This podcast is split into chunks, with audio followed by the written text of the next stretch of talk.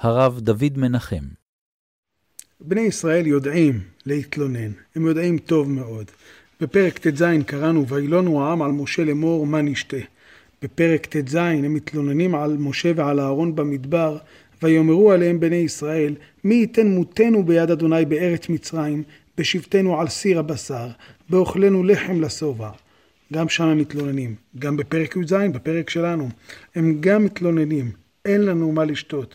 וירב העם עם משה, ויאמרו, תנו לנו מים ונשתה. ויאמר להם משה, מה תריבון עמדי? מה תנסון עם אדוני? והם מתלוננים למשה ואומרים לו, למה העליתונו ממצרים להמית אותי ואת בניי ואת מקניי בצמא? ומשה זועק לקדוש ברוך הוא, מה יעשה לעם הזה? עוד מעט הושכלוני. והקדוש ברוך הוא מצווה אותו ללכת ולהכות בסלע, בצור, ויצאו ממנו מים ושתה העם, ויעש כן משה לעיני זקני ישראל, והם שותים והם נרגעים.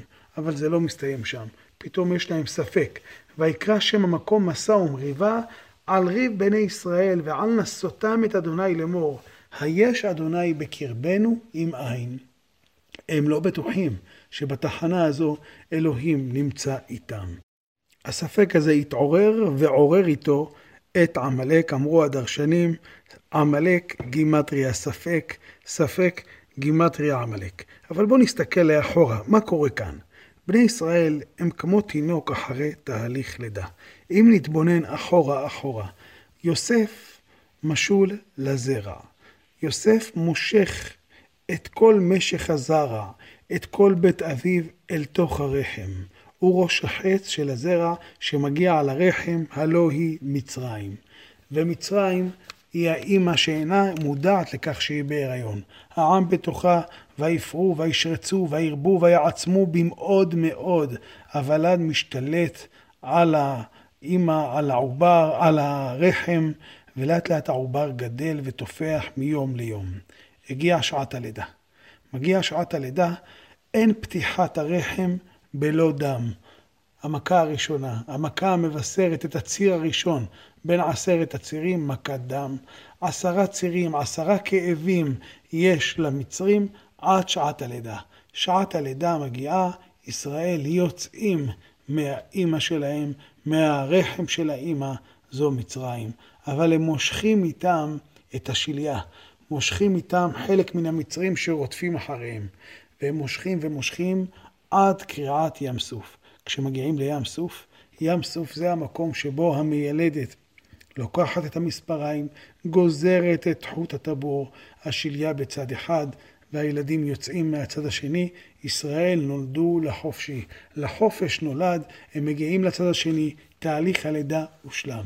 כמה שעות אחרי הלידה, התינוק מרגיש את הרעב.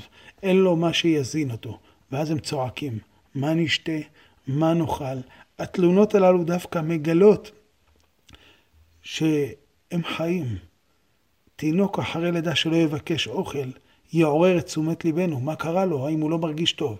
אז הנה הם בכו פעם אחת על מים, בכו פעם אחת על אוכל, סידר להם אלוהים מים, סידר להם אוכל. והנה עוד פעם בפרק שלנו, בפעם השלישית הם מתלוננים על מים. יש לכם ספק שאלוהים ייתן לכם מים? בוודאי שהוא ייתן לכם מים, הוא כבר נתן לכם, הוא הוכיח לכם. פה לא היה מקום לספק. אז, כאשר הם לא ידעו, כאשר הם התלוננו פעם ראשונה, ההתלוננות גילתה דבר טוב. ראו שהם התלוננו, הקדוש ברוך הוא הורה למשה עץ, זרק אל המים וימתקו המים. אתם רואים שאלוהים נמצא איתכם. היו רעבים, ביקשו אוכל, התלוננו, הקדוש ברוך הוא סידר להם מן. עכשיו הגעתם לתחנה השלישית. שוב פעם אתם מערערים על הביטחון הזה שאלוהים איתכם, שוב אתם שואלים מה נשתה, שוב אתם מערערים על זה בכלל שיצאתם ממצרים, אולי היה טוב להישאר במצרים ולא למות בצמא. זה ספק בלתי נסלח. זה ספק שמעורר את עמלק. עכשיו עמלק בא. והקדוש ברוך הוא מלמד אותם, נכון, אתם צריכים לבטוח בי, אבל לא רק בי. והנה תסתכלו על התמונה הזו. משה מרים את הידיים שלו. כולנו מכירים את המדרש במשנה במסכת ראש השנה. וידי משה כבדים, ויקחו אבן וישימו תחתיו, תומכים בו אהרון וחור, זה מצד אחד, זה מצד שני, שואלת המשנה, וכי ידיו של משה עושות מלחמה? מה הקשר בין הידיים שלו? אלא כאשר ישראל היו מביטים לידיים של משה, שהם כלפי מעלה, הם היו מנצחים. כאשר הידיים של משה לא היו כלפי מעלה, חס וחלילה היו נימוקין. זאת אומרת, המלחמה הזו בעמלק היא כוללת שני אספקטים, שתי השתדלויות. אחת, הביטחון באלוהים. אבל לא רק הביטחון באלוהים, גם העזרה שהאדם עוזר לעצמו, מה שנקרא עשייתא דשמיא. יש פה, אם אפשר לומר, ארבע ידיים. יש יד, שתי ידיים של משה ושתי ידיים של יהושע. משה מרים את הידיים כלפי מעלה, הוא מבקש סייעתא דשמיא, אבל גם היד של יהושע פועלת, ויחלוש יהושע את עמלק ואת עמו לפי חרב. זה מה שאלוהים מלמד אותם.